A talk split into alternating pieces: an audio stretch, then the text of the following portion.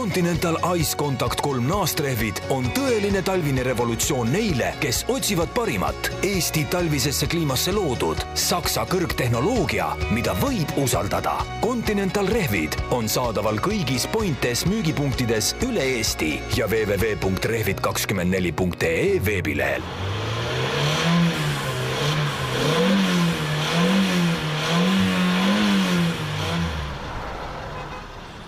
tere ilusat kolmapäeva. kolmapäev on ikkagi istmesoojenduse päev, isegi siis, kui eelmine nädal, eelmine nädal see seda ei olnud.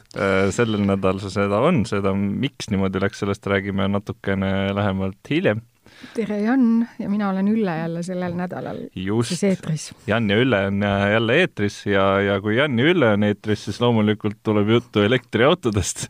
Ülle räägib äh, mõnedest huvitavatest elektriautodest, mida meil siin oodata on ja millega ta siin hiljuti sõitmas on käinud. Äh, poliitika ei jäta ka autotööstust külmaks ja Brexit tõotab autotööstuses äh, kõvasti kahju teha, kuidas täpsemalt, selle üle arutame. ja, ja Volkswageni autogrupp äh, on äh, ka mõtlemas selle peale, et kuidas enda äri efektiivsemaks teha ja sellega seoses otsustab siis enda brände natukene laiali lüüa. proovisõiduauto on selline, millega olen sel nädalal sõitnud ainult mina. ja mina olen sõitnud selle natukene lahjema versiooniga. et Renault Trophy RS Äh, sellest räägime pikemalt või noh, mina räägin. mina küsin. ja, ja, ja nipinurgas räägime päevakohasest teemast, et äh, kuidas autot äh, talveks ette valmistada, et Ülle on sel teemal küll mõnes kohas juba rääkimas käinud, aga nüüd jagame neid teadmisi ka teiega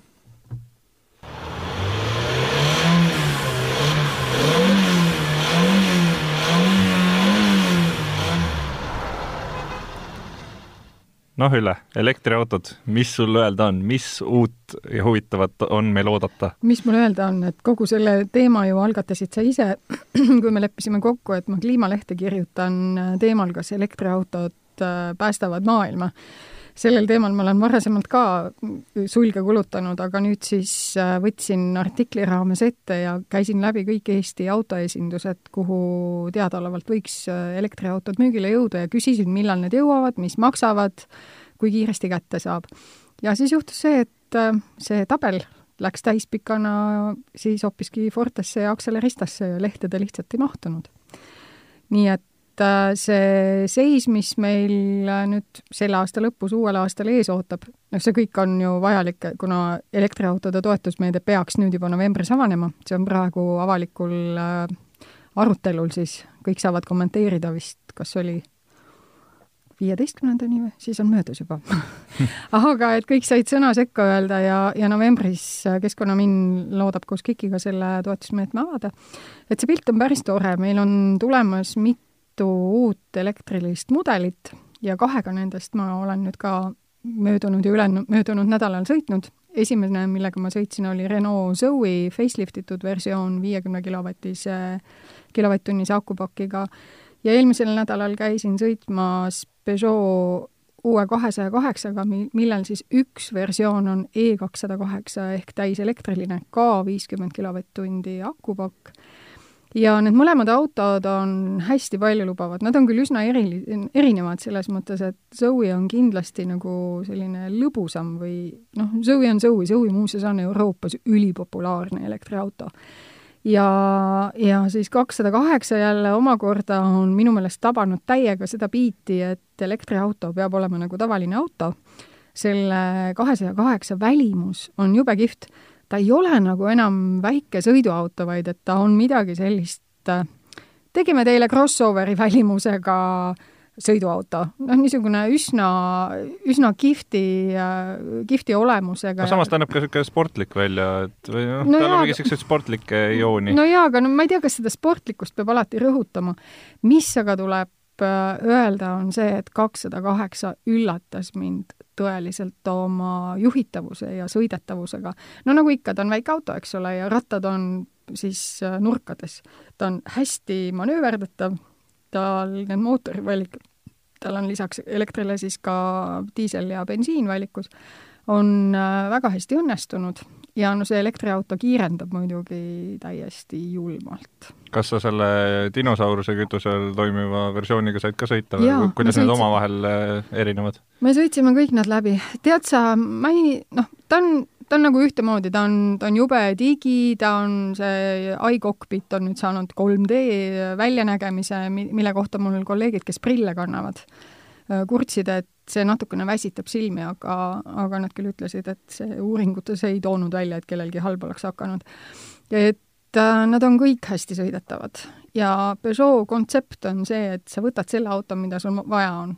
elektriauto on linnal, linnaliikluses väga hea, ütleme Suburbiasse, selle äh, sõiduraadius oli vist kas kolmsada kakskümmend kilomeetrit äkki või mis oli meil kellade peale ees, kui me sõitma hakkasime ja siis äh, diisel on äh, pikemad sõidud ja bensiin on siis, kellel on nagu pidevalt vaja ka mingisuguseid asju ajada väljaspool linna, et ja, ja sa põhimõtteliselt tellid, tellides ütled, et vot ma tahan seda mootorit.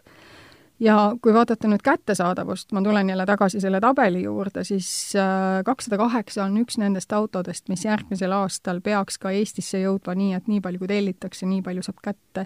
Hyundai on muuseas lubanud oma Kona ja Ioniqu elektriversioonidega sama, et äh, küsige ainult ja anname teile ette. mis need ooteajad seejuures on, et kas tuleb nagu kaks aastat oodata, kui tellinud oled? Need, mida noh, kui sa tehasest tellid, on äh, ikka niisugune neli kuud või kolm-neli kuud, kuidas kellelgi, aga võtavad ka lattu juba autod ette, sest äh, noh, on ju teada, et mida näiteks Eesti kliendid eelistavad, et siis võetakse laoautod ette ja need sa saad mõne nädalaga. Jah, ja kui, kui elektriautotööstus kõvasti huugab, siis äh, Suurbritannias on äh,, tähendab Ühendkuningriigis, olgem äh, faktiliselt täpsed, on, on suuri probleeme nüüd selle Brexitiga seoses, et mõned autotootjad on sinna oma tehased ehitanud juba ja, ja kuna nüüd need Euroopa Liidu sisesed nii-öelda printsiibid, millega kaupa saab eksportida ja importida, on vaikselt ära kadumas või vähemalt on see oht olemas, siis on ka autotootjatel vesi ahjus. Neil on vist päris hullusti, jah, Nissan ja BSA on võtnud selle teema rohkem üles, et minu meelest BSA juht oli see, kes ütles väga tabava võrdluse, et äh, leppeta Brexit mõjub autotööstusele nagu kahe rongi täiskiirusel laupkokkupõrge. nii et äh, noh, ega me ei tea. küsimus ei ole ainult selles, et mõni autotootja saab pihta, küsimus on ka selles, et Ühendkuningriigis toodetakse päris palju äh, osi autodele, mida valmistatakse Euroopas. ja nende tarne on siiani olnud tellimuspõhine ehk siis, kui kellelgi on midagi vaja, tehakse valmis, pannakse, ma ei tea, laeva peale ja, ja lippab ära, aga nüüd, kui äh, seadused muutuvad, siis tõenäoliselt äh, see enam nii sujuv ei saa olema.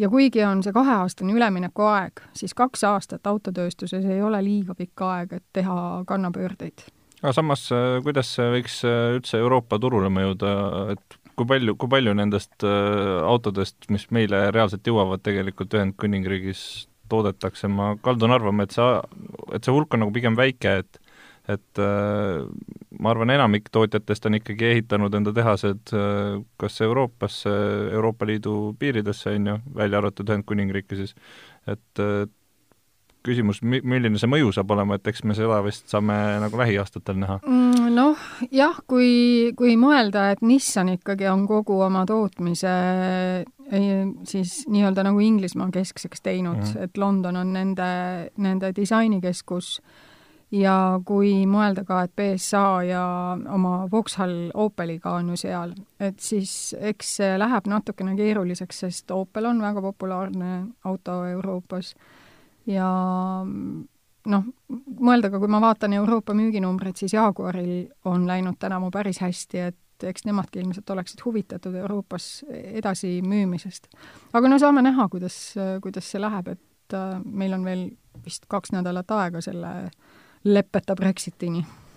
jah, aga noh, tuleb siin välja, et eh, Nissan ei ole ainuke autotootja, kes peab ajaga kaasas käima ja üritama pidevalt eh, kohandada enda ärimudelit sellele, et eh, edukas olla, et ka tõsisel hiiglasel Volkswagen autogrupil on siis ikkagi probleeme sellega, et minu arust see Volkswageni autogrupi probleem, mis siis puudutab seda, et nad üritavad nüüd brände laiali lüüa, Seati, Volkswagenit ja Škodat, minu arust on see natukene selline auk, mis on nende enda kaevatud iseendale, et et juba siis, kui see, kui see suurem koondumine hakkas ja, ja hakati neid asju samadest tehastest sisuliselt välja laskma, siis tegelikult oli ju see, see lõhn oli kogu aeg üleval, et, et miks ma pean ostma endale ühe Audi, eh, mis on tegelikult täpselt samast tehasest välja tulnud, kust see Škoda ja, ja see hinnasilt on, ütleme, kolm korda kallim.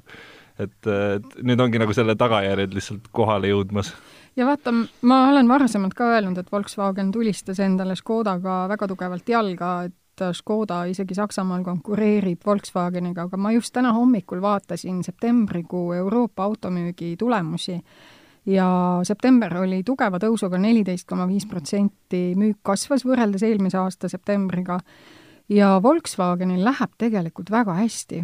Volkswagen... Volkswagenil kui brändil või Volkswagenil, Volkswagenil kui grupil? kui brändil, grupp on natukene langenud eelmise aastaga võrreldes, vist oli üks koma kaks, ütleme protsendipunkti võrra on nende müük eelmise aastaga võrreldes langenud mm, -hmm. aga grupisiseselt on tänavu Porsche kasvatanud oma müüki metsikud vist oli mingi viissada protsenti, no nende numbrid muidugi on suht väikesed, et kui seal me räägime siiski kümnetest tuhandetest autodest.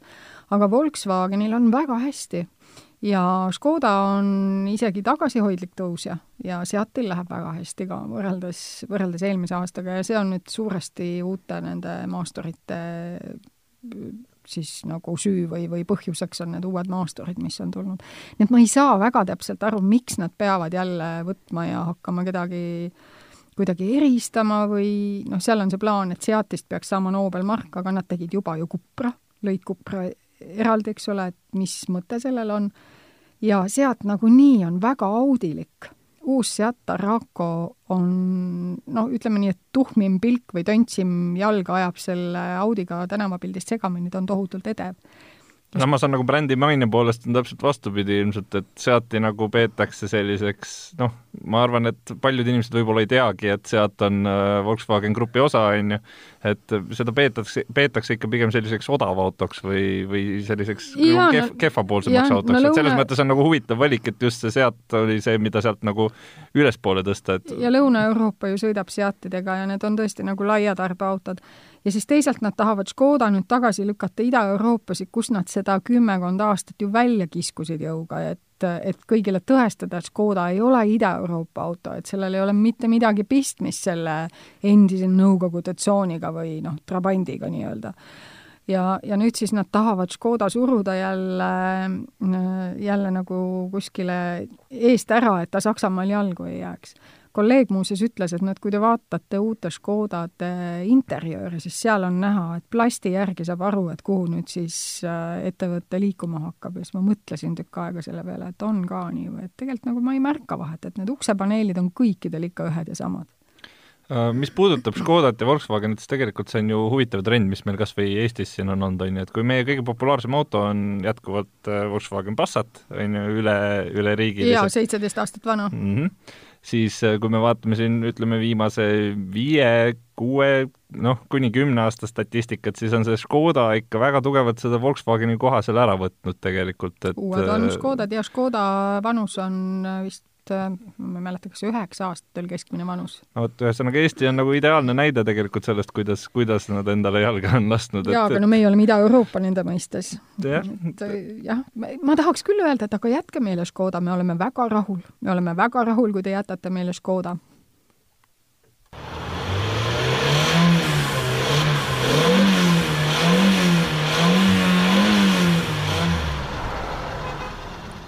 ahaa, nüüd on minu tähetund sinu tähetund. minu tähetund. Äh, tegelikult ma natukene räägin äh, vahelduseks sellest taustast ka, et miks me eelmine nädal saadet ei teinud ja see oli see, et äh, ma käisin silmaoperatsioonil ja ma lihtsalt ei näinud mitte midagi, selleks on füüsiliselt võimatu esiteks autoga sõita see nädal ja, ja teiseks äh, üldse ma arvan, siia stuudiosse tulla ja siin arvutit ka vaadata. ja, ja mina teen ka selle lisanduse, et võib ette tulla nädalaid, kui Jan sõidabki üksinda ja mina vaatan kõrvalt, sest et äh, minul kirjutan sellest ka lähiajal pikemalt, mul diagnoositi nüüd uuesti väga sügav ärevushäire, nii et ma põhimõtteliselt üksinda autoga ei sõida.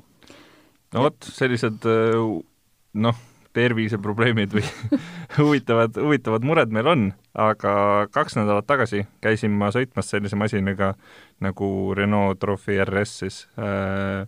huvitav on see, et väiksem kui kaheliitrine mootor ja, ja pauku tuleb sealt ikka oi-oi-oi kui palju juba RS-il oli nii ilus hääl ja siis, kui käiku vahetasid, need paugud tulid, see oli hullult hästi, mina olen RS-iga sõitnud natukene. super, super äh, auto just sõidukogemuse poolest, ma arvan, et äh, teist nii head autot ma ei ole siiani sõitnud, võib-olla Stinger või või, või kuskil seal, aga ma just mõtlen hot hatch'ide poolest, et kuna ma ise olen äh, noh, ilge hot hatch'i fänn, ehk siis nende väikeste kurjade põrnikate sa pead ütlema, mis auto sul on endal ka. noh, ongi, ise sõidan GTI-ga, on ju, äh, mäletan, kui ma sõitsin i30 N-iga Hyundai'ga, siis äh, see oli ka kihvt. Äh, seesama Renault Trophy RS Megane väga meeldis. noh. aga mis sulle rohkem meeldis, kas Hyundai i30N või siis Trophy? igal autol on omad mingid kiiksud, on ju, et kui me võtame nüüd selle sama Trophy ja võrdleme teda i30N-iga, siis see on ikkagi hinnaklassi erinevus ja, ja seda on tunda äh, väga mitmes aspektis, et äh, esiteks interjöör, ühel on selline noh, Hyundai on selline, ajab asja ära. Saksa auto. aga ei, mulle ei, mulle ei meeldinud äh, tegelikult i30N-i sisemus võrreldes äh, Renault'ga. tõesti või? mulle jälle nagu väga meeldis, aga mul on ka pikem vahe selle RS-iga, et minule meenutas Hyundai nagu selles mõttes, et prantslased ikka oskavad teha ilusaid ja, ja mõnusaid ja mugavaid asju, on ju, et, et kui korealased panna Saksamaal tegema ühte asja, mis võiks eestlasele meeldida ja, või üldse eurooplasele meeldida, siis see on natuke teine lugu. aga, aga minu arust äh, kõige suurem probleem Megani Trophy RS-iga on see, et ta näeb väljast inetu välja. mulle ei meeldi see absoluutselt, see välimus oh.. jah, mulle nagu seest, niikaua kui ma istun ise autos sees, kõik on suurepärases korras. Alcantara on ju, ilusad istmed, mõnusad istmed äh,, isegi see multimeedia, kuigi see on selline natuke kohmakas, see suur ekraan on tegelikult kena äh,, materjalid kõik super hea, aga, aga kui sa autost välja astud, siis on nagu, et kõik teised vaatasid mind hoopis sellise pilguga, et, et mul endal oli küll nagu hullult kihvt seal sees, oh jess, lahedad äh, ralliistmed ja, ja see bucket seats, istud seal Alcantara sees, tunned ennast nagu ralliäss, aga tegelikult sõidad ikka ühe Meganiga ringi. ma ei ole kunagi osanud sellele mõelda, aga vot see oleks nüüd huvitav, et äh, meilt käis Veli sõitmas ka Trophiga ja see lugu ilmub nüüd äh, selle nädala reede äh, LP autolisas nii et siis oleks lahe sealt lugeda, ma noh, saatsin loo lihtsalt ära, ma ei vaadanud pihta, kas, kas ta ka välimuse kohta midagi ütles, aga no vot, ma mäletan täpselt seda, et kui ma ise, ise endale autot ostsin, siis tegelikult ma vaatasin hästi palju, noh, kuna ma ei olnud nendega toona sõitnud, siis ma lugesin muidugi arvustusi, on ju, ja vaatasin. ja, ja lõppude lõpuks ikkagi see asi, mis sai tegelikult määravaks äh, just sellel ostul, kuna sel oli ka, sel ajal oli ka ilusti i30N oli tegelikult väljas, mis on äh, Golf GTI-ga võrreldes siis tegelikult nagu parema hinnaga, äh, paremate lisadega ja nii edasi, noh, selles mõttes, et äh, just performance'i mõttes või nagu sõidukogemuse mõttes. ja, ja tegelikult miks äh, see valik langes golfile, oli see, et ta näeb klassikaline välja, et ta ei, tas ei ole seda noh, ta, ta võib olla see auto, millega sa sõidad nagu märkamatult niimoodi, et keegi ei, ei, ei ütle, et kuule, näed, seal on üks idioot, kellel on, ma ei tea, üheksateist tolline valuvelg all ja punased need pidurisadulad, on ju. et ta, ta võib olla see, aga ta ei pruugi olla see, et seal on nagu hästi palju mänguruumi sul endal, et sa võid sellega sõita ka täiesti tavaliselt ja ma arvan, et mitte keegi ei pane isegi tähele seda, ta ei tee pauku, kui sa ei taha, ta ei, ta ei tee mitte midagi seda nagu liiga ekstrat, et kas ma nüüd saan õigesti aru, et sa jätaksid Trophy ostmata pelgalt välimuse pärast? jaa. ja valiksid i30N-i äh...? kui sul on nende kahe vahel valida? Hm, seda on, seda on raske öelda, kuna nende värvid olid nagu nii erinevad, et see i30N, millega ma sõitsin, oli see helesinine, on ju, mis on see nagu klassikaline. klassikaline, ja, ja see Trophy, millega ma sõitsin, oli vist valge ehk siis need on nagu sellised nagu kontrastsed värvid, et mulle meeldivad üldiselt äh, klassikalised värvid, et kui on valge, must, äh, võib-olla mingi niisugune tumedam metallik sinine, siis see on okei okay., et selles mõttes Jan sipleb praegu mm. vastusest vastusega. see on, see on raske, ma arvan, et kui oleks näiteks, mul oleks valida äh, musta Trophy ja musta i30N-i vahel, siis ma ilmselt valiks i30N-i jaa, just, aga no ma tahtsin öelda, et sa saad ju ise värvi valida, et seal ei ole see, et nüüd sul on see valge ja see sinine, vaid et lihtsalt nagu nende no see, see musta valik on täpselt samal põhjusel, et kuna see on nagu klassikaline ja samas sa võid sellega minna kuhu iganes, et kui sul on, ma ei tea, ärilõuna, siis sa võid selle musta autoga rahulikult sinna sõita ja keegi ei saa aru, et sa võib Bolti olla... võid ka sõita muuseas. Ja Bolti võid sõita, et keegi ei saa aru, et sa muidu võid olla natukene napakas ja, ja sõita niimoodi, nagu keskmine inimene võib-olla ei sõidaks. no vaata, aga selle kohta ma ütlen jälle, et võib-olla hoopis mina olen see napakas, sest kui ma RS-iga sõitmas käisin, siis ma sõitsin sellega ka väga rahulikult, sest Uku istus mu kõrval ja ma lihtsalt mõtlesin, et kõik, mis ma teen, nagunii ma teen seal valesti, et ma ei hakanudki midagi tegema. aga mul on hea meel, et sulle Trophy väga meeldis sõidukogemus oli tõesti suurepärane äh,, hääl oli suurepärane ja nii edasi, aga küsimus ongi selles, et ma ei usu, et ma selle autoga igapäevaselt sõidaks. et see on isegi minu jaoks nagu liiga palju. et noh, kui sul ikka auto teeb niimoodi pauku, et kõik ümberringi vaatavad, et mis, mis värk on, siis see on natuke, natukene liig. vot huvitav jälle, minule tundus äh, see RS just täpselt selline igapäevaauto, aga võrreldu-, võrrelduna siis Subaru STI-ga, millega ma olen muidu varasemalt sõitnud et äh, mind see, see nii-öelda nagu natuke üle vindi sportlikkus ei ole kunagi häirinud. ja mind ei häiri ka Trophy välimus, minu meelest on ta väga ilus auto, et mulle üldse meeldib muuseas Megane, et viimase põlvkonna Megane on väga ilus. oh, mulle üldse ei meeldi, nii et eks äh, siin tuleb lihtsalt tõdeda seda, et maitse, maitsed on erinevad. kas sa tead muuseas, et äh, uuringute järgi kõige olulisem ostuargument auto puhul ongi välimus? no vot ja, ja selle välimuse põhjal, vähemalt selle, selle eksterjööri põhjal mina seda autot ei ostaks. no ja me nüüd ei leppinud selles kokku, sest minule ta väga meeldib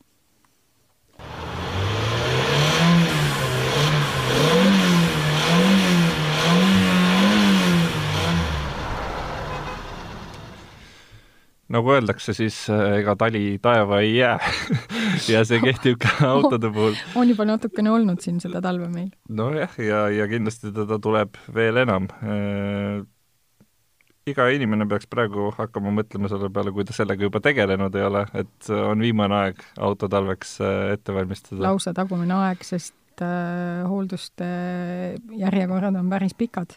kas sinu auto on valmis või? ma just äh, sain täna kinnituse hoolduseks kahe nädala pärast. nii et äh, ei ole, ei ole ideaalne aeg ja ka, ja, ja palju on tegemata tegelikult. aga mida nad sul seal hoolduses teevad äh,? mul on lihtsalt tavaline õlivahetus ja filtrite vahetus, et mitte midagi nagu liiga keerulist ei ole.